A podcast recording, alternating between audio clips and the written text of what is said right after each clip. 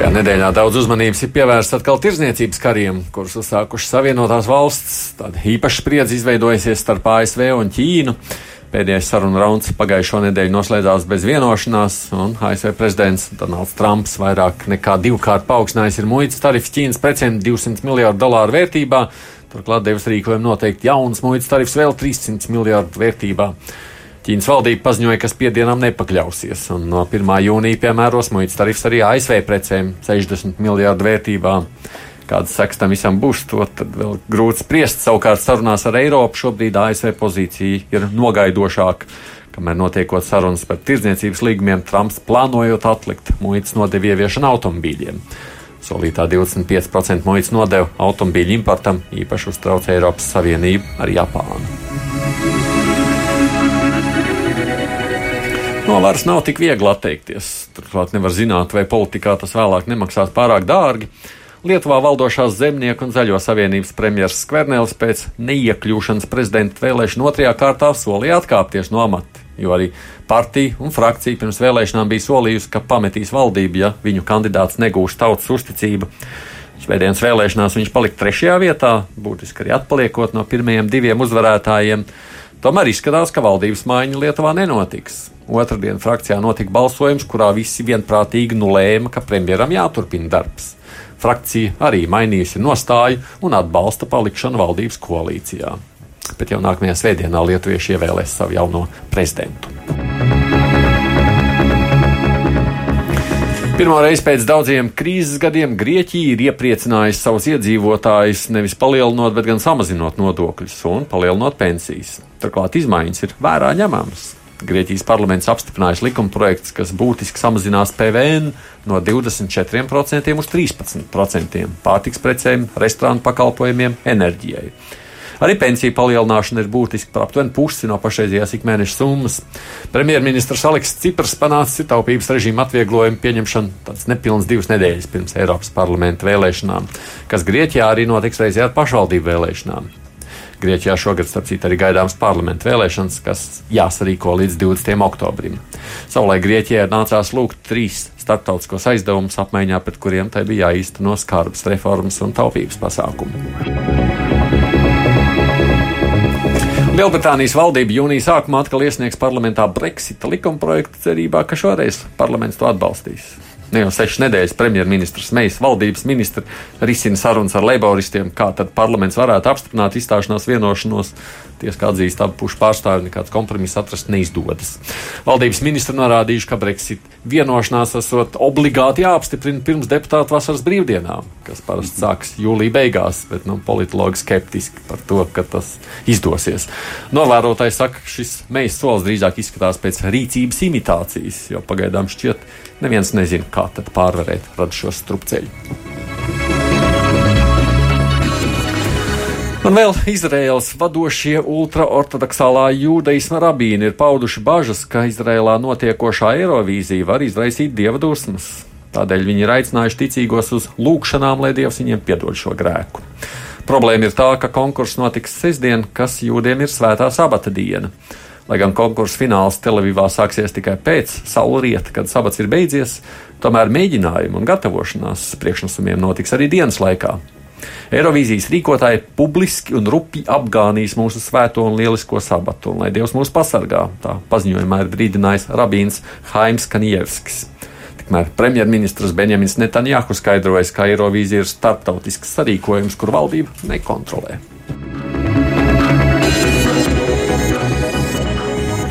Bet nu, pievēršamies tagad sākumā minētajiem tematiem un sāksim vispirms ar Eiropu. Līdz 2014. gadam Eiropas komisijas prezidentu izraudzījās Eiropadome, tātad Eiropas Savienības valstu vadītāji. Tomēr jau komisijas prezidenta Jose Manuela Barozu laikā, kurš amatā bija no 2004. līdz 2014. gadam, Būtiska loma bija viņa pārstāvētās Eiropas Tautas partijas frakcijas atbalstam. Iezīmējās zināma Savienības politiskā smaguma centra pārbīde no Eiropadomes Eiroparlamenta virzienā, kur sava nozīme bija tam, ka padome tobrīd pēc lielākās paplašināšanās Savienības vēsturē atradās optimālo darbības modeļu meklējumos. Barozu laikā parakstītais Eiropas Savienības līgums, jeb Lisabonas līgums, definē komisijas prezidenta amatā stāšanās procedūru šādi. Ņemot vērā Eiropas parlamenta vēlēšanas un pēc atbilstīgas apspriešanās, Eiropadome, pieņemot lēmumu ar kvalificētu balsu vairākumu, piedāvā Eiropas parlamentam kandidātu komisijas prezidenta amatam. Šo kandidātu Eiropas parlaments ievēl ar savu locekļu balsu vairākumu. Tātad Eiropadomē nu jau pieder tikai kandidāta nominētāja loma, savukārt galīgā amatā ievēlēšana ir Eiroparlamentu funkcija. Šādā situācijā gluži loģiski ir komisijas prezidenta kandidāta izvirzīšana Eiroparlamenta priekšvēlēšana procesā, pēc analoģijas ar Nacionālās valsts parlamenta vēlēšanām, par kuru rezultātu kļūst jaunas valdības izveide. 2014. gadā, kad par Barozo amata mantinieku kļuva bijušais Luksemburgas premjerministrs Žans Klots Junkers, pirms Eiroparlamenta vēlēšanām pirmo reizi tika sarīkotas komisijas prezidenta amatu kandidātu debatas. Tad apritē parādījās arī apzīmējums špicen kandidāti. Tā tagad jau oficiāli dēvē Eiroparlamenta frakciju izvirzītos komisijas prezidenta amata kandidātus. Latviski šis jēdziens tiek tulkots kā badošais kandidāts. Vakar Eiroparlamenta sēžu zāle Briselē bija pārvērsta tiešraides studijā, kur pusotru stundu ilgās debatēs sacentās sešu Eiroparlamenta frakciju izvirzītie vadošie kandidāti. Nopietnākās izredzes uz komisijas vadītāja amatu ir divu līdzinējo Eiroparlamenta lielāko frakciju pārstāvjiem. Bavārijas Kristīgas sociālās savienības biedrs un ietekmīgās Eiropas Tautas partijas frakcijas vadītājs Vēbers ir nepārprotami spēcīgs politiķis, kurš pie tam bauda nozīmīgu Vācijas valdošās Kristīgo demokrātu partijas atbalstu. Nepārprotami prominentākais no visiem sešiem ir pašreizējais Eiropas komisijas viceprezidents Nīderlandiešu sociāldemokrāts Frans Timermans. Kā Vēbers, tā jo sevišķi Timermans ir izteikti centriski tendēti politiķi, tikai vienam tas nozīmē virzību pa kreisi, otram pa labi. Kā trešā iespējamā kandidatūra uz komisijas prezidenta amatu gan ar krietni mazākām izredzēm tiek uzlūkota Eiropas liberāļu un demokrātu apvienības vadošā kandidāte, pieredzējusī dāņu politiķe un pašreizējā Eirokomisijas komisāre konkurences jautājumos Margareta Vestegera. Viņu raksturo kā izteikti liberāli politiķi ar zināmu sociālo ievirzi. Pārējie trīs vadošie kandidāti, kā lēš, necer uz iekļūšanu un drīzāk gatavi izmantot debašu tribīnu savu nostādņu deklarēšanai. Tie ir Eiropas kreiso spēku partijas pārstāvis Niko Kijē, Eiropas konservatīvo un reformistu izvirzītais Čehs Jans Zahadrils un Eiropas zaļo pārstāve Skā Kellere. Keller ir konsekventi savos vidas aizstāvības uzstādījumos un, ievērojot problēmas aktualitāti, viņai tiek prognozēta nozīmīga ietekme arī nākamā sasaukuma Eiroparlamentā. Kijai savukārt ir diezgan radikāli kreis, lai gan šī spāņu izcelsmes bēļu arotbiedrību līdera nonākšana špicen kandidāta rindās mēdz uzskatīt teju par nejaušību. Kā samērā mērenu labējo piesauc arī Janu Zahadrilu, tomēr viņa pārstāvētais spēks turpina uzturēt ciešas attiecības ar Itālijas Ziemeļu līgu. Vispār labēji radikālo eiroskeptisko un populistisko spēku rezultāti 25. māja Eiroparlamenta vēlēšanās var būtiski mainīt spēku samēru Eiroparlamentā un līdz ar to apdraudēt jau iesakņojušos nākamā Eiropas komisijas vadītāja amatā nonākšanas procesu. Atgādini kopā ar mums arī šeit Andras Prots, Uģis Lībietis. Tātad divi, trīs reālākie pretendenti uz Eiropas komisijas vadītāja amata. Tiesa, nu, te dažādas spekulācijas var saklausīt, vismaz ziņās klausoties, kura pusē Andrim simpātijas. Nu, komisijas priekšēdētāji vēlam. Par kuru tu balso? Es domāju, ka virkni tie kandidāti, kas tika pieminēti, viņi jau ir pieteikuši simpātiski. Tev visi patīk. Visi, jā. Uh, ir, protams, ka šnicela kandidāts, uh, kas ir Vēbers. Uh, kāds kāds šnicels? Šnicela kandidāts, jā. Kāpēc viņš ir šnicela kandidāts? Tāpēc, ka viņa... Šie vārdi nepatīk špits, tas ir suns, un šnicela ir... Šnicela ir, ir as. Viņam šis nosaukums ir nācis no vīnas šniceles, tāpēc, ka, principā, viņi ļoti cieši atbalsta Austrijas premjeras kanclers Kurts. Aha. Un, principā, to, ko mēs varbūt arī šeit redzam, tajā visā kopējā ainā, ir tas, ka uh, Nu, veidojās, protams, arī reformējās arī pašas kustības, kā līderi šie cilvēki ir. To mēs redzam procesā. Un faktiski kurds gandrīz vai, ja mēs eh, runājam Makrons, ja kļūst par, teiksim, Aldis vai šo sociālo liberālo, ja tā var teikt, idejas, ko tēvu, tas savukārt kurds tiek uzskatīts, ka ka viņš ir parādījis Austrijā, ka konservatīvie var reformēties, ka tautas partijas, teiksim, grupas eh, partijas var reformēties nezaudējot savas pro-eiropeiskās nostājas, vienlaikus tomēr vēršoties ar zināmu kritiku pret Eiropu, un vienlaikus ir tomēr spējot paņemt arī mazliet konservatīvāku un labējāku vēlētāju. Nu, labi, taustietis nevēlēs. Tu, kurš, kurš tad tev patīk labāk? Par kuru tu būtu? Man principā patīk tas, kas šeit tika pieminēts kā vārds prominentākais. Man patīk Frans Timermans. Okay. Es domāju, ka viņš tiešām arī, ja runā par vēlēšanām, vēlēšanu, teiksim, diskusiju, tad noteikti viņš bija visspēcīgākais vakardien arī kā, kā, kā, kā kandidāts. Un man kopumā varētu teikt, ka tās idejas, ko viņš pārstāv, ir simpātiskas. Es domāju, ka sociāla liberālās idejas ir simpātiskas. Tā varbūt es šeit mazliet atklāju arī savas politiskās simpātijas. es neiespaidojos no tā, ka viņš ir Rīgas ielās šobrīd izlikts eh, kopā ar citiem kandidātiem jā, jā. var atrast arī viņa seju, kas ir principā interesanti. Man liekas, tāds zināms fenomens arī Latvijas politiskajā kampaņā, jo man šķiet, ka līdz šim īsti, eh, teiksim, šādi spiceni kandidāti vai šniceli kandidāti nav izlikti. Nu, tāpēc Kušakov ir riskanti tagad likt ar seju. jā, un, bet tas, kas varbūt tomēr mazliet, mazliet padara bažīgu, teiksim, šī te viņa piruēta vai viņa mēģinājums piesaistīt arī kaut kādu politisko spēku, ka viņš ne tikai koķetē ar zaļajiem, kas ir simpātiski, bet viņš koķetē ja tā var teikt, vai flirtē arī ar labēji, ar radikāli kreisajiem. Jo, principā, tā doma ir šobrīd, nu, tomēr mēģināt varbūt pat kaut kādā pretnostatīt un savā koalīcijā, kas būs lielāka potenciāli pār vadošo tautas partiju. Tautas partija visticamāk, ka savāks lielāko skaitu, bet tie varētu būt virs 200 deputātu vietām, bet izstāsta, ka šāda koalīcija, kas izveidojās kā vienota koalīcija starp zaļajiem un starp radikālajiem vai galējiem kreisajiem, viņiem varētu būt aptuveni 255. Jautājums, vai šī koalīcija, ko tas īsti nozīmē. Jo tie ir kā politiskais spēks, kā veidojums, protams, ka paši sociālisti tik daudz vietas, saka, tautas partija nedabūs. Šī mēģinā, mēģinājums, ja tā var teikt, piesaistīt arī citus un arī, kā es lietoju vārdu, flirtēt vai koķetēt ar, teiksim, radikāli kreisām idejām, protams, ka tas Tas tev, tas, tas, tev tas, dar, tas dar piesaistīt. Ir kāds viedoklis Sintijai par šo balsot? Man, manuprāt, vairāk šobrīd ir aizņēmusi mūsu pašu vēlēšanas, kas nāk un, un, un, tās visas. Jā, tas ir tikai labs politiķis. No, bet, attiecības, bet, redzi, notiek. Mūsu jau arī, piemēram, redz, jau Valdu Dombrovski jau piemin kā iespējamo premjeru, kā iespējamo Eiropas komisijas vadītāju šodien Nē, ziņās parādījās. Eiropas komisijas, bet Eiropa padomas. Eiropa padoma, ā, nu labi, redz, kā žēl, nedara. Nē, es vienkārši skatos, arī mūsu klausītāji, nu kā mēs jau arī visi saliekam vienā maisā, kā mums te raksta klausītājs. Ja tur neievēl Dombrovski vai nedod Dievs Lepēnu, man vienalga, ko ievēl. Tas ir tā par šādu viedokli. Ir vēl ko piebilst? Nē, nu, man liekas, ka mums tā par lielāko daļu sabiedrības e, tiešām šajā laikā notiek tāda ļoti liela koncentrēšanās uz mūsu pašu iekšējām lietām, un arī es esmu tai skaitā. Līdz ar to noteikti varbūt tie, kas ir sekojuši šīm te e, procesiem, tie varēs dziļāk pakomentēt gan saturu, gan formu. No, labi, Uģi, tev ir iespēja paust savas politiskās simpātijas.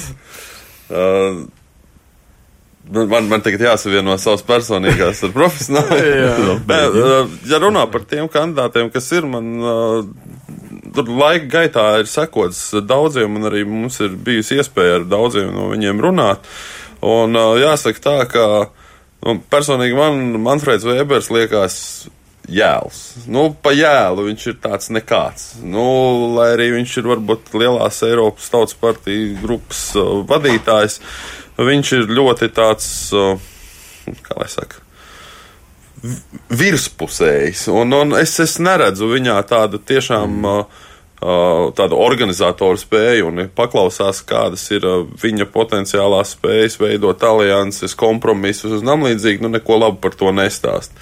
Par Franču Timermanu man ir bailes, ka viņš ir, viņš ir pārāk proeiropeisks priekš Latvijas vēlētāju. Nu, tas man ļoti patīk, kā viņš runā, kā viņš skaidro, kādas ir viņa nostājas. Un, Tiešām, man, man viņa tiešām patīk klausīties, bet man liekas, viņš ir pārāk proeiropeisks. Mm -hmm. Skatoties tālāk, es domāju par Margaritu Vesigaru, mēs diezgan maz zinām, bet tur atkal var būt nianse, kas arī pirms kādiem pāris raidījumiem Eiropas apskatos teica, ka vēl nav garantijas, ka viņu izvirzīs vispār Dānija potenciāli uz, uz, uz komisijas vai, vai nu, mhm. tajā, ka, ka Dānijas iekšējās politiskās cīņas mm. var nobloķēt viņas tikšanu vispār uz Eiropu. Uh, par šo te vīru ar franč, franču vārdu uzvārdu es neko nezinu. Uh, Par Skāku Kelleru arī salīdzinoši maz zinu. Ar Jānu Zahrudilu arī mēs runājām šeit pat Latvijas radio studijā. Es domāju, ka viņam būtu pietiekami daudz, mm, daudz atbalstītāju arī Latvijas vēlētāju vidū potenciāli. Bet arī paskatoties, kā tiek analizētas vakardienas debates, ka tomēr viņš nu, ļoti izteikti izlec no tā kopējā, kopējā tā katliņa, kur visi tie vadošie kandidāti ir. Labā nozīmē. Uh, Pirmkārt, viņš ir ļoti iestājās par nu, ne, ne tik daudz par šo te, šīm te e, vienotās Eiropas, padziļinātās Eiropas idejām, bet vairāk tomēr liek uzsvaru uz šīm nacionālajām lietām, uz nacionālo valstu teikšanu. Un, attiecīgi, viņš nav, nu, laikā, kad notiek ļoti aktīvas diskusijas par Eiropas reformēšanos un spēku uzņemšanu, vai cīnītos pret populismu un tam līdzīgi, ka tas kaut kur, nu, Mm. Var nobremzēties. Bet uh, es gribētu atgādināt arī. Bet tad tu par Čehu balsos? Nē, es nebalsos par Čehu. Un, uh, es, es gribētu atgādināt to, ka ļoti daudzi eksperti norāda uz to, ka ir ļoti, ļoti, ļoti liela iespēja, ka nākamais Eiropas komisijas vadītājs nebūs neviens, neviens no šiem minētajiem. Es drīkst no... Nu. papildināt, uh, principā piekrīt to, ko Uģis teica par tām divām lietām. Viens, ka uh, Weberkungs uh, pārstāv vissmagsvarīgāko partiju, pats nesot nemaz tāds smagsvars. Jo nu, arī vakardienas, teiksim, šajā te, prezentācijā vai diskusijās, nu, principā viņš, viņam viens no lielākajiem uzdevumiem mēģināt pierādīt, ka viņš ir atbilstošs līderis, ka viņš ir politiķis, teiksim, Eiropas līmeņa. Viņš ir bijis šobrīd vairāk, teiksim, spēlētājs, kas bijis ietekmīgs, bet kas tomēr vairāk spēlējis aiz, aiz, teiksim, uh, slēgtām durvīm. Protams, viņš ir iznācis publiski, bet, ja mēs arī skatāmies tie cilvēki, ko viņi pārstāv, tad tad Weberam kungam nemaz nav nekāda īpaši lielā, teiksim, Vācijas politikas pieredze. Kamēr, teiksim, Timermans vienmēr ir bijis valdībā un, teiksim, bijis pietiekoši ietekmīgs arī pašā Holandē. Jā. Tā kā arī šeit, šeit ja mēs skatāmies to background. Tagad te ir tāds, zinām, zināms paradoks vai spriedzi, ka visspēcīgākā un smagsvarīgākā partija faktiski šobrīd to, to pārstāv. Jūs sakat, izraudzījuši vājāk. Jā, līdz ar to, principā, tieši tā es piekritīšu tam otram uzstādījumam, to, ko Uģis teica, ka nav izslēgts, kā varbūt arī kāds cits. Ja mēs skatāmies arī šobrīd, viens no kandidātiem provizoriski varētu būt arī arī šī brīža Holandas premjeras Rūte. Un tad līdz, līdz ar to, kaut kas, kas kaut kādā veidā, nu, ja atkal valstī ir jāizvirs, tad ko tad viņi izvirzīs eh, provizorisku uz, teiksim, eh, uz kandidātu. Līdz ar to varbūt ir iespējama kom, eh, kompromisa kombinācija par to, ka nevis Timermans, kas holandietis kļūst par komisijas vadītāju, bet holandietis tikai tomēr no tautas partijas. Nesen, nesen parādījās tāda pussazvērestības teorija, ka, nu, es nezinu, kas būs tagad nākamais, bet par aiznākamo, nu, kas būs, kā, nu, Frau Merkele nekur nepazudīs no politiskās skatuves, un ka faktiski tiek gatavot augsne viņai. Kā, tā ir tā, labi. Pagaidām, es vēl par šo pašu. Eduards, kurš vienmēr nu, netiek pie vārda, tāpēc, ka šoreiz viņam tikai pa telefonu mēs ļaujam runāt. Nu, beidzot, es ceru, ka viņš ir dzirdējis visu, ko mēs šeit runājām. Eduard, tu taču esi Briselē joprojām, jā? Jā, es joprojām esmu šeit Briselē un uh, uzmanīgi klausījos kolēģu viedokļos. Un arī klausījies vakar debatēs. Jā, klausījos un skatījos. Un ko domā par un, visu redzēto un dzirdēto tagad? Uh, nu, protams, ka uzmanību uz sevi koncentrē tie, kuri reāli varētu pretendēt, tomēr būt eh, komisijas prezidenta amatā. Tie tā tad ir jau piesauktie lielāko un ietekmīgāko potenciālu frakciju vadītāji, eh, kandidāti, kas ir eh, Timermans kungs, Vestageris kundze un Weberkungs.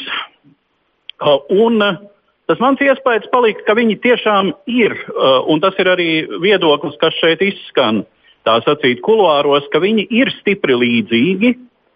Uh, zināmā mērā droši vien tas ir um, potenciāli uh, iespējamā spiediena uh, ietekmē. Nu, tātad, uh, tas, kas tiek jau noteikti prognozēts, ka būs lielāka, spēcīgāka un uh, daudz labāk strukturēta eiroskeptiskā, populistiskā bloka daļa Eiropas parlamentā, kā potenciāli varētu būt spēcīgāka arī zaļā partija ar savām specifiskajām nostādnēm. Līdz ar to, nu, acīm redzot, šīs lielās frakcijas izvirza cilvēkus, vai arī gluži organiski tajās izvirzās kandidāti, kuri ir potenciāli spējīgi savā starpā vienoties Uh, un uh, nu, saglabāt šo vidējo pro-eiropeisko, centrisko uh, virzienu, kas tomēr nu, teiksim, vispārējai politiskajai stabilitātei ir, protams, ļoti svarīgi. Nu, Tātad, ja mēs skatāmies uz viņiem visiem trīs no viņu vietas politiskajā spektrā, tad, teiksim, Vēbera kungs ir mazliet pa labi no centra, un Vestāgēras kundze ir mazliet pa kreisi varbūt no centra, un uh, Timermans kungs vēl mazliet pa kreisi, bet uh, lai gan par Timermans kungu arī saka, ka viņš tikpat labi varētu būt tautas partiju bloka kreisajā spārnā, kur tagad viņš ir sociālistu un demokrātu salīdzinoši labējās. Pār. Bet, Edvard, man studijas viesis tagad liek prasīt, par kur tu balsos. Nu, tu vakar debatas esi dzirdējis, tagad tev jāsaka. Jā, jā, nē, nu man man eh, šajā gadījumā ar vienu no studijas viesiem viedoklis stipri vien sakrīt. Man ļoti simpatizē sociāli liberālas idejas. Eh, no šī viedokļa man varētu būt faktiski divi kandidāti, jo arī Vestāgeres kundzes ievirze ir eh, ne tikai liberāla, bet arī sociāli liberāla. Bet Timermansa kungs, protams, ir grodāts. Viņa uh, rūdījums uh, ir pārliecinošs, un arī vakar tas bija pārliecinošs. Bet mēs varētu sacīt šeit, nu, nu pieņemsim no jūsu skatu punkta, ka vai nu viņš, vai vispār kāds cits. Nu, nē, nu tā gluži arī nevar teikt, jo nu, mēs jau, un tas arī izskan studijā, nu, ka ir jau arī partiju ietekme. Un, protams, ka Eiropas Tautas partiju bloka ietekme nekur nepazudīs. Uh, ja? Mm -hmm. nu, lai, gan, lai gan, kā es, kā es jau teicu, spiediens no flangiem, spiediens no radikālākajiem spārniem uh, var panākt to, ka uh, teiksim, uh, nākamais uh, komisijas prezidents nav no tautas partijas, bet teiksim, vai nu, vai nu no uh, liberāļu vai no Eh, sociālistu demokrātu blokā. Es jau labprāt garu runātu, bet es saprotu, ka man laiks skrien priekš Eduardu, lai tev viss tur labi veicās, un es saprotu, tev vēl tur būs sarunas Briselē, bet vienkārši pabeidzot šo tematu, kad tad mēs uzzināsim jūsuprāt, kas, kas būs, kā izskatās jūsu vīzija? Es domāju, ka pēc parlamentu vēlēšanām būs jau aprises redzams, bet nu, tad vēl sāksies tā. Nu, jā, jā, jā. Kad ir oktobris vai jābūt nu, jā, vēlēšanas? Ne, nu, tas taisnība, jā, bet nu, tā vienošanās. Nu, es domāju, ka tikpat, tikpat labi liela iespēja ir, ka tas būs uz diezgan pēdējo brīdi. Nu. Mm. Tāpēc, ka tik sarežģīta situācija. Grūti. Nu, tur tur, tur ir domāju, tā dilemma. Es domāju, mēs paši bija mazliet arī mūsu tāda viegla vilcināšanās par to, ka no vienas puses jau laikam, ka tie spiceni kandidāti, tur tā relevants ir un gluži ignorēt to nevar. Ja viņi ir bijis izvirzīti, tad. Jā Nu, tas būtu tāds demokrātijas, ja tā var teikt, apgāšana. Pagājušās vēlēšanās tomēr pierādīja to, ka bija, arī toreiz bija Junkers vai ne, viņš uzvarēja kā šīs vēlēšanas, un viņš arī kļuva. Un, protams, arī bija diskusijas par to, viņš ir atbilstoši un atbilstoši. Tad to tāda aizmuguriska izspēlēšana kāda cita, nu varētu tomēr tik viegli neiet, tik viegli neiet cauri. Tad to, teiksim, ja man būtu jāsaka, nu laikam, ka šobrīd tomēr Weber kungam ir diezgan liels iespējas būt par vadītāju. Vai es liktu visu 50%, domāju, ka nē. Bet eh, nu, noteikti jautājums būs, cik pārliecinoši tautas partijas eh, teiksim, spēki, kāda skaita viņi dabūs. Jā, jau jāskatās ir arī tomēr rezultāti. Tieši tā. Būs. Tieši tā tur, tieši tur pat dažas vietas uz šurpu turpu, tas var ietekmēt arī visu potenciālo to koalīciju veidošanu, vairākumu meklēšanu, un no tā arī būs atkarīgs Jo, jo, jo, protams, ka tieši tā, lai gan izstāsta, ka teiksim, šīs koalīcijas apris, kurā ir liberāļi, sociālisti un konservatīvie tautas partija, tomēr visticamāk, ka viņi arī saglabās tā vismaz tā, Vairāk, ka tas ir tas eh, tomēr. Uh, visticamāk, ka vienkārši viņiem nebūs kur likties vienam no otra, pat ja viņi grib tagad šobrīd atšķirties. Bet jā, jāatcerās to, ka šobrīd gan komisijas vadītājs, gan uh, Eiropadomas vadītājs, gan parlamentu vadītājs, viss ir no tautas partijas grupas, no konservatīvo grupas. Skaidrs, ka visticamāk, ka tā tas gan neturpināsies. Labi, ejam uz priekšu. Nākušais temats tam, kam pie pievērsušies arī gandrīz visi starptautiskā mediju ziņu virsrakstos, tad notikumā Pirāna. 8. maijā Irāna paziņoja, ka tā daļēji izstājas no 2015. gada kodola vienošanās. Teherāna informēja, ka tā vairs neievēros urāna bagātināšanas un tā dēvētā smagā ūdens krājuma ierobežojums, kas tika noteikti panāktās kodola vienošanās ietvaros. Irānas augstākā drošības padome skaidroja, ka šāds lēmums bijis nepieciešams, lai nodrošinātu Irānas tiesības un atjaunotu līdzsvaru pēc tam, kad ASV izstājās no vienošanās. Irānas prezidents Hasans Rohani uzsvērs, ka valsts no vienošanās neizstājas, tomēr pārējām vienošanās pusēm - Lielbritānijai, Ķīnai, Francijai, Vācijai un Krievijai tika dotas 60 dienas, lai izpildītu savas saistības, īpaši banku un naftas sektorā. Ja tas netikšot darīts, Irāna sāks palielināt urāna bagātināšanu un sāks attīstīt savu akaras smagā ūdens reaktoru. Eiropas Savienība gan noraidīja iespēju, ka Irānas prasības varētu tikt pildītas. Šeit jāpiebilst, ka ASV 5. maijā paziņoja, ka nosūta uz tuvajiem austrumiem aviācijas bāzes kuģa triecienu grupu, kā arī bumvedāju triecienu grupu, šādi reaģējot uz Teherānas draudiem slēgt Hormuza šaurumu, kas atrodas viena svarīga kuģošanas maršruta ceļā. Šonadēļ ASV centrālā pavēlniecība paziņoja, ka ASV spēkiem Irākā un Sīrijā izsludināts paaugstināts trauksmes stāvoklis sakarā ar ticamiem draudiem no Irānas spēku puses reģionā. Šī paša iemesla dēļ daļai no Irākas atsaukt arī ASV vēstniecības un konsulāta darbinieki.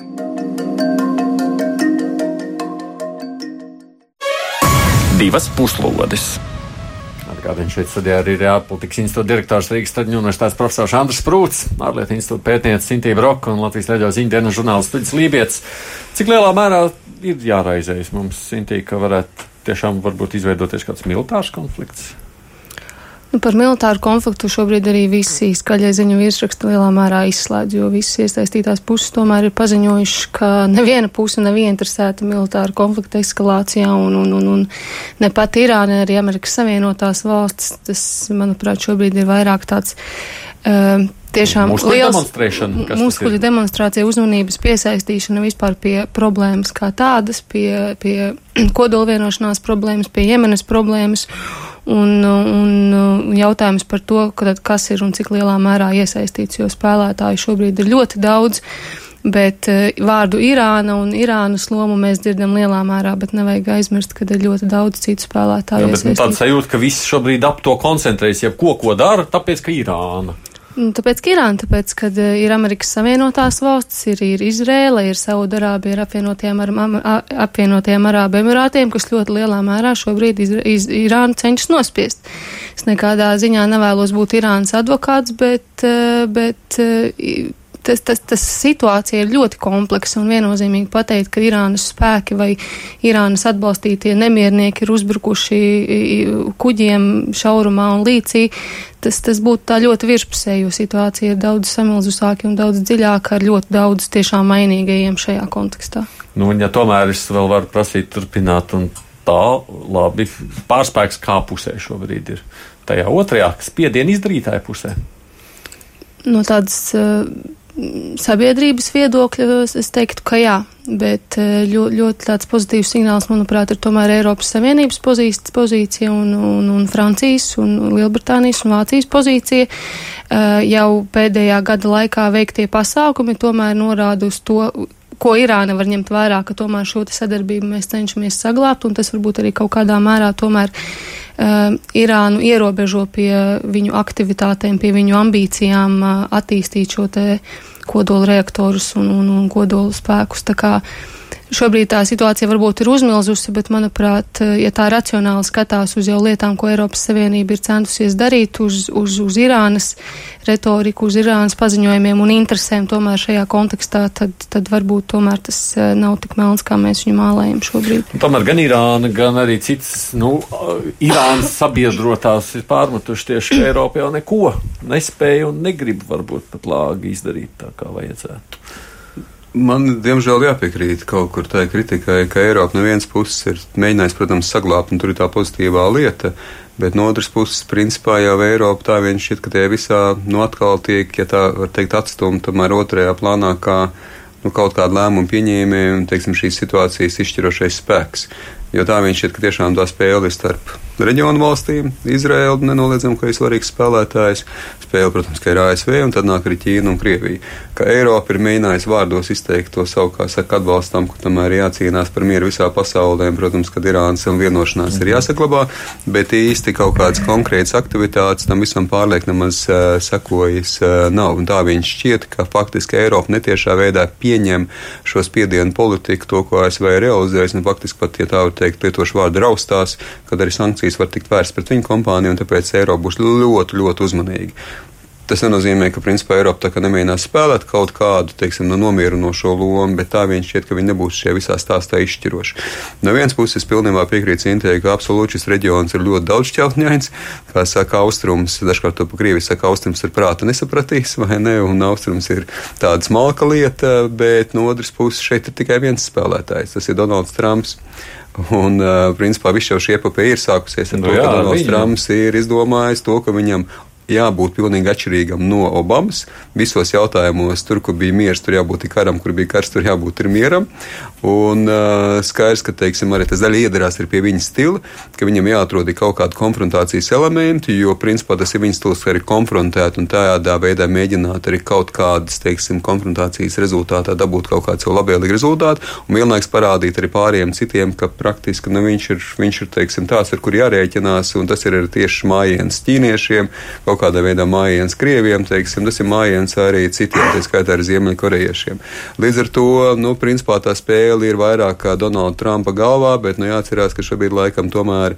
Um, nu, ne tikai vairs galvā. Ne tikai vairs galvā, tieši tā, tieši tā, ne tikai galvā, lai gan man arī būs jāpiekrīt tam, ka man tomēr, nu, es negribu teikt cerība, bet, nu, tā kopējā apsvērumi, nu, liecina jau par to, ka, protams, kad militārais pārspēks ir ASV, bet militārais pārspēks nu, teiksim, aizsūtīt uh, raķetes, uh, likvidēt kaut kādas infrastruktūras objekts, bet ne jau iebrukt Irānā. Nu, skaidrs, ka uz to ASV neizies. Nu, vismaz man gribētos domāt, tur veselais saprāts ir pietiekoši, pietiekoši liels. Tā tomēr ir milzīga valsts, var jau salīdzināt ar Irāku, bet tomēr Irāna ir, ir milzīga valsts. Es domāju, ka reliģija tur arī spēlē teiksim, ļoti nozīmīgu lomu, tur būs daudz vieglāk mobilizēt. Un līdz ar to varbūt pat konflikts šobrīd jau daļēji pat var tā viņš šis, ka kaut kur pat, nu, es negribu teikt, ir izdevīgs Irānai. Viņš nav izdevīgs Irānai un ekonomiskiem apsvērumiem, bet šobrīd varbūt pat Irāna sāk iziet ārā no šīs kodola vienošanās, eh, jo nu, tas pat kaut kādā veidā viņu noliek tajā. Nu, taisnīguma pusē, vai ne, ka viņi ir pieturējušies, nu šobrīd viņi ir uzspiesti, neviens viņu īsti neatbalsta, nu tad viņi ir gatavi iziet uz konfrontāciju sev aizstāvēt. Tā ka šobrīd jau sākās arī tāda iekšējā mobilizācija ap karogu, arī, Jā. arī uz konfrontācijas bāzes pašā Irānā. Un simpātijas arī kaut kādā mērā viņa pusē uh, rodas daļai. Kā tad tas var turpināties tālāk? Vai kas to lai zina? Man, klausoties iepriekšējos, man liekas, arī tas viens no atslēgas faktoriem pēdējā laikā ir arī Izraela, tomēr, kas, mm. nu, Jā. atvasinoties tālāk no Izraels, ir Amerika. Un, un, un, un, un, bet man, man ir grūti, grūti teikt, vai savulaik izteiktie draudi noslaucīt Izraelu no zemes virsmas kaut kad, kad varētu tikt materializēti, kas varētu būt par pamatu tālākai reakcijai nu, no Amerikas puses, no Izraels agresijas puses un tam līdzīgi. Bet uh, tas, tas ir tikai viens no aspektiem. Šie, šī pati Jemena ar tur jau tiem entajiem, entajiem iesaistītajiem spēlētājiem, kas savā starpā ir savijušies, kurš ko atbalsta, kurš uh, tad mēs atbalstam vienus, otrā valstī mēs to neatbalstam. Tas ir, tur, man liekas, tiešām tāds nu, liela uh, es, man, man tiešām ir ļoti grūti prognozēt, bet uh, nu, katrā ziņā vēl atgriežoties pie Eiropas, uh, nu, Eiropa ir tiešām tā kā arī tikko, ja nemaldos, politiko birās, ka Eiropa ir bezzobaina šajā gadījumā, jo viņiem arī nav nekāda iespēja neko izdarīt. Mm. Nu, Laikam, laikam drošākais, drošākais ir nu,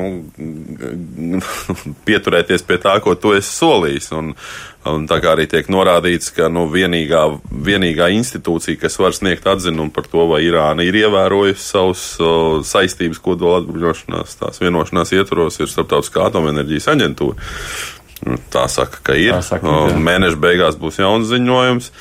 Bet, nu, atkal kā mēs zinām no Trumpa puses, tas jau ir tikai, tas pat nav tas galvenais arguments. Tā, tās terorisma aktivitātes ir tas, tas galvenais aspekts, uz ko tur ir. Nu, jā, nu, tur, teiksim, tā, es drīkst, tur Trumpam varbūt ir daļai vāri piekrist, ka, nu, obligāti un viens puses vienošanās pie tās jāpieturās, bet, ja tā vienošanās ir bijis, teiksim, neveiksmīga, tā nav sagus kaut kādas, teiksim, segments, kas varbūt tiešām ir svarīgi, nu, tad tas jau nenozīmē to, ka šo vienošanos nevar arī pārskatīt. Tikai, protams, veids ir no nu, absolūti izteikti trumpisks. Un arī šo pirmo, pirmo, pirmo, pirmo reizi, pirmo reizi teiksim, valsts organizācija, šie Nacionālā gvardi ir pasludināti kā teroristiska organizācija. Tā kā tas ir arī tāds nu, mājiens vai nepietiekoši spēcīgs. Protams, ka naftas ne, negribu absolūti arī, es domāju, naftas jautājums šeit ir svarīgs. Un es reiz varu pateikt, arī mums maz neliksies, jo jāatcerās to, ka Hormuz šaurums uh, ir no globāli starptautiski tirgotās, uh, teiksim, naftas ir aptuveni ap uh, vienu trešdaļu tie aptuveni 30% principā skaidrs, ka nafta, kas tiek patērēta valsts iekšēnē, bet globāli tirgotājs ar hormuzu šaurumu, kas nāk no Saudarābijas, no Kuveitas, no Kataras, no Irākas,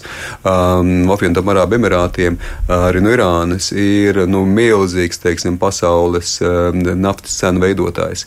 Tā kā, ja principā šeit sāktos konflikts vai pat konflikta iespējamība, tad te ir diezgan liels risks, ka cenas kāps pagaidām tas nav noticis. Jāatcerās to, ka uh, mums aptuveni Nu, vienkārši ielikt to kontekstā. Mums aptuveni katru dienu mēs patērējam 90 miljonu barelu naftas eh, dienā. No Irānas eh, Irāna varēja piegādāt aptuveni 3 miljonus. Šobrīd tā naftas piegāde no Irānas ir nokritusi līdz 1 miljonam. Viņi tikai saražo. Skaidrs, ka līdz ar to principā naftas cenas pagaidām nav kāpušas, neskatoties uz to, ka arī teiksim, kaut kāds procents jau ir mazinājies no Irānas puses. Bet viņš ir diezgan augsts savis to. Bet kopumā, ja viņas ir, teiksim, tā, es domāju, ka zināmā veidā jau šajā cenās, ka tāds riska, riska, riska prēmija, ja tā var teikt, domāt par nākotni. Jā, bet skatāmies tomēr, ko tas, kas notiks, cik tā Irāna piekāpsies, nepiekāpsies, kas notiks ar kodola programmu, nu, cik ilgi tos spiedienu tā var izturēt. Um, šeit es mazliet varbūt arī atkāpjoties soli atpakaļ, es gribētu uzsvērt, ka tas ir lielā mērā, mērā tikai par biznesu un tikai par, par naftu šī te Irānas situācija un ASV, ASV reakciju uz šo visu, jo, jo ļoti bieži pēdējā laikā mēs dzirdam par to, ka īstenībā jau Amerikas Savienotās valstis ar saviem tuvāk, tuvākajiem sadarbības partneriem Emirātiem, uh, ka visa šīs te darbības patiesībā ir vērstas, lai maksimāli apturētu Irānas naftas plūsmu ārpusē un savu darābību būtu to, kas nodrošinātu pirmām kārtām Amerikas Savienotās valstis un tad arī varbūt pārējās valstis. Un, un ka tas, nu, manuprāt, tas būtu primāri un attiecībā uz Eiropas Savienību. Uh, Eh, tur varbūt tās es tad mazliet kā Eiropas Savienības advokāts, eh, kad eh, tomēr tādā gada kontekstā skatoties tādu desmitgažu, kon, desmitgažu kontekstu, eh, desmitgadu garumā ilgu veidotu attiecību, kā tā Eiropas Savienība veidoja ar Amerikas Savienotajām valstīm, gada griezumā nevar pārstruktūrēt un šo te autonomiju, ko Eiropas Savienība šobrīd e, cenšas veidot no Amerikas Savienotajām valstīm šajā gadījumā, ir, manuprāt, ļoti labi un pozitīvi vērtējama. Šī te mehānismu izstrāde, indeks mehānismu izstrāde, kas garantētu finansu plūsmas no Eiropas Savienības, Francijas, eh, Lielbritānijas un Vācijas galvenokārt uz Irānu, kas, kas ļautu Eiropas Savienības mazajiem un vidējiem uzņēmumiem noturēt šīs attiecības ar Irānu. Tas, manuprāt, gada griežumā ir ļoti pozitīvs solis.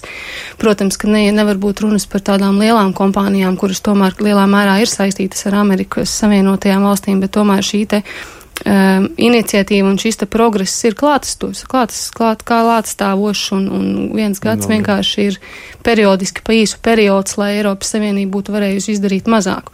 Un, un, manuprāt, tas ir ļoti būtiski Jā. ne tikai Irānas kontekstā, bet vispār autonomijas kontekstā kā tādā, jo ja Amerikas Savienotās valsts tagad pateiks, ka nedrīkstam mēs tirgoties ar Ķīnu, ko tad darīs Eiropas Savienība. Bet par to, cik ilgi un to spiedienu izturēt, man vienkārši jābeidz šo tematu. Es gribētu saprast, ko tas var beigties. Gaidīsim, kad Trumps beigs pastāvēt. Nu, vēl, manuprāt, ir ļoti, ļoti, ļoti liela loma tomēr Trumpa komandai un īpaši Džona Boltona kungam. Mm jo viņš ir bijis arī klātstāvošs iebrukumā Irākā, un viņš ļoti bieži savā retorikā e, uzstājas to, ka tas ir bijis veiksmīgs gājiens no Amerikas Savienoto valstu puses, un arī šīs te visas aktivitātes, kas šobrīd notiek Līča reģionā, ir, ir ļoti dziļi jāpadomā, kurš aiz tām visām stāv un cik liela daļa no tā ir patiesības, un cik liela daļa tomēr ir, ir, ir e, ietekmētas no viena vai otra līnija. Man jāsaka, ka pavisam īsi varbūt jāatceras jācer, ka Trumps nepieturēsies vai pieturēsies pie Obamas, vismaz tajā gadījumā būs līdzīgi, viņš pieturēsies pie to, ka nepastāv nekāds kredibilitātes fetišs. Tajā brīdī, kad Obama teica, ka principā, ja Sīrija lietos ķīmiskos ieročus, tad būs ASV atbilde. Viņš teica, beigās tomēr nu, nav vajadzīga šī atbilde. Un, principā, tas ir kredibilitātes fetišs, ka mums par katru cenu ir jāatbild. Jo šobrīd faktiski situācija veidojas tāda, ka, ticamāk, Irāna nepiekāpsies. Mm -hmm. Un tas noved pie tā, ka faktiski Trumpam būtu jādod kaut kāda, nu, es gribēju gan izvērtēt, lietot šeit vārdu triecienums, ticamāk.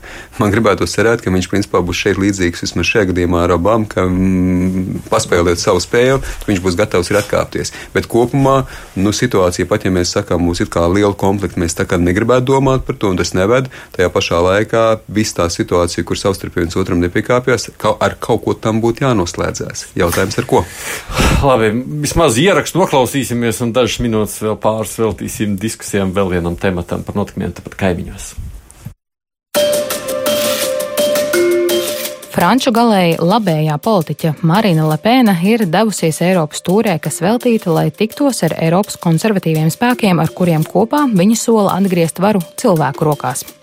Otradien viņa viesojās Igaunijā, kur parlamentā viņa sagaidīja Igaunijas konservatīvā tautas partija jeb ekre, kā arī somu, dāņu un itāļu galēji labējie populisti, lai apspriestu kopīgas Eiropas parlamenta partiju grupas izveidošanu. Tiesa viņu sagaidīja arī neliela grupa protestētāju, kuriem, kā ziņo postimes, pievienojas arī franču turisti skandējot, lai dzīvo Eiropa. Ar žurnālistiem Lepēna sarunājās tikai preses konferencē, kur lielākā daļa jautājumu bija saistīta ar Lepēnas partijas saitēm ar Krieviju, kā arī viņas viedokli par Krimas aneksiju. Uz pēdējo Lepēna atbildēja, ka Krimai pašai bija tiesības izlemt, kam piederēt. Citu igauņu politisko partiju pārstāvi gan nebija pārāk priecīgi par Lepēnas vizīti. Piemēram, opozīcijā esošās reforma partijas priekšsēdētāja Kāja Kallasa paziņoja, ka Francijas galēji labējās politiķis mērķis ir sagraut gan Eiropas Savienību, gan esošo sadarbību Eiropā, un ja Igaunijai kādreiz vajadzēs palīdzību, Lepēna un viņas sabiedrotie būtu pirmie, kas ziedot Igauniju, lai tikai saglabātu labas attiecības ar Krieviju.